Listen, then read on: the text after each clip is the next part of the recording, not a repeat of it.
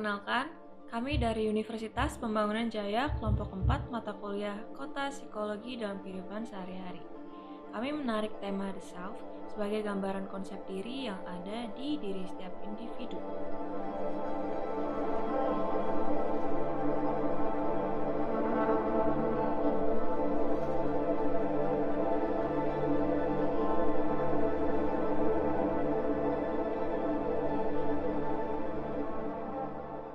Self-concept Self-concept adalah keyakinan individu tentang diri mereka sendiri tidak ditetapkan secara konkret, tetapi juga tidak mudah diubah. Orang-orang sangat termotivasi untuk mempertahankan pandangan diri yang konsisten sepanjang waktu dan situasi. Self-concept menurut para ahli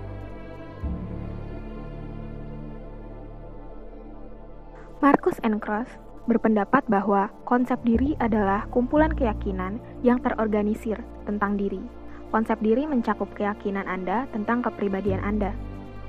Menurut Stitch and Brook, hal-hal itu daripada yang terlintas dalam pikiran ketika Anda memikirkan diri sendiri. Menurut Forges and William, dan apa yang Anda yakini benar tentang diri Anda sendiri.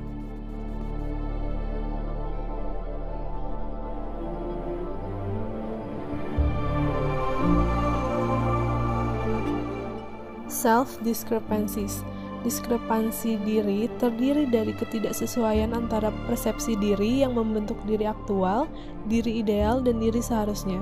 Perbedaan diri ini dapat diukur dan memiliki konsekuensi terhadap cara orang berpikir, merasa, dan bertindak.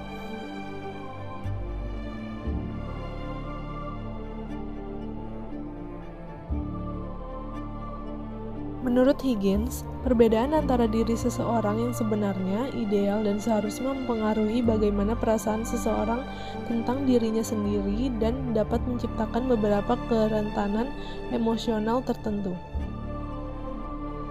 Salah satu jenis dari ketidaksesuaian diri ini terjadi ketika diri yang sebenarnya bertentangan dengan diri yang ideal. Contoh-contoh seperti itu memicu emosi yang berhubungan dengan kesedihan, ketidaksesuaian diri aktual atau seharusnya menghasilkan emosi yang berhubungan dengan agitasi, yaitu iritabilitas, kecemasan, dan rasa bersalah.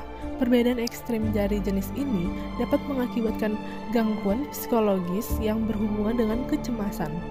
Ada tiga faktor yang mempengaruhi ketidaksesuaian diri, yaitu jumlah perbedaan yang dialami, kesadaran orang tersebut akan perbedaan, dan apakah perbedaan itu benar-benar penting bagi orang tersebut.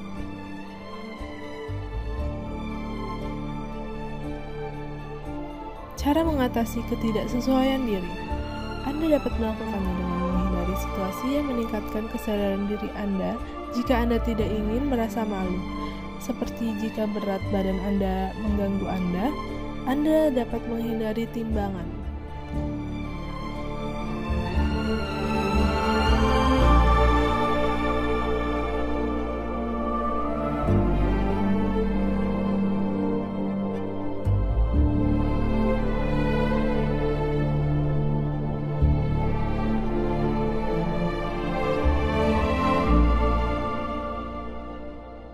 Faktor-faktor pembentuk konsep diri.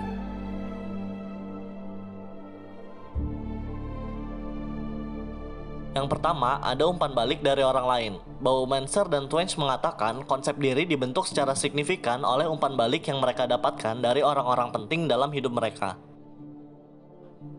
Lalu ada juga Tice dan Wallens yang mengatakan individu tidak melihat diri mereka persis seperti yang dilihat orang lain, tetapi lebih seperti mereka percaya orang lain melihat mereka.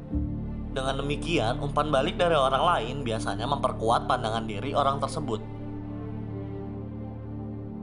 Faktor kedua yaitu pengamatan sendiri. Individu mulai mengamati perilaku mereka sendiri dan menarik kesimpulan tentang diri mereka sendiri di awal kehidupan. Teori perbandingan sosial yang dikemukakan oleh Leon Festinger pada tahun 1954 mengusulkan bahwa individu membandingkan diri mereka dengan orang lain untuk menilai kemampuan dan pendapat mereka.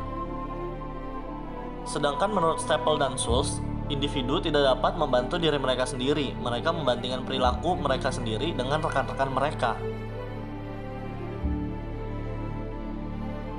Faktor ketiga yaitu konteks sosial. Menerima umpan balik dari orang lain mengungkapkan bahwa konsep diri tidak berkembang secara terpisah. Menurut Staple dan Schultz, konteks sosial juga mempengaruhi bagaimana orang-orang berpikir dan merasa tentang orang lain, termasuk kesan yang mungkin secara sadar mereka sampaikan kepada orang lain dalam situasi yang berbeda. Contoh studi kasus The Self. Studi kasus diambil dari permasalahan para siswa SMK Fadilah. Kasusnya adalah banyak siswa yang berbakat dan memiliki potensi, namun untuk meneruskan bakatnya dari segi ekonomi tidak memumpuni. Solusi dari kasus ini adalah Permasalahan ini bisa diselesaikan dengan mengenali potensi diri lebih dalam dan hal apa saja yang bisa dilakukan agar potensi itu bisa berkembang.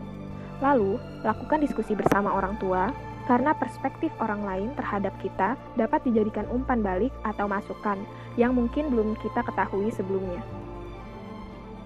Kasus berikutnya adalah jika ingin masuk universitas, orang tua harus menampung aspirasi dari anak juga, tidak selalu langsung membuat keputusan. Solusi dari permasalahan tersebut dapat diatasi dengan bagaimana kita membuka diskusi dengan keluarga. Pada umumnya, diskusi melahirkan sebuah gagasan baru dan membuka pikiran setiap pihak sehingga dapat menjadi sebuah penggerak ide.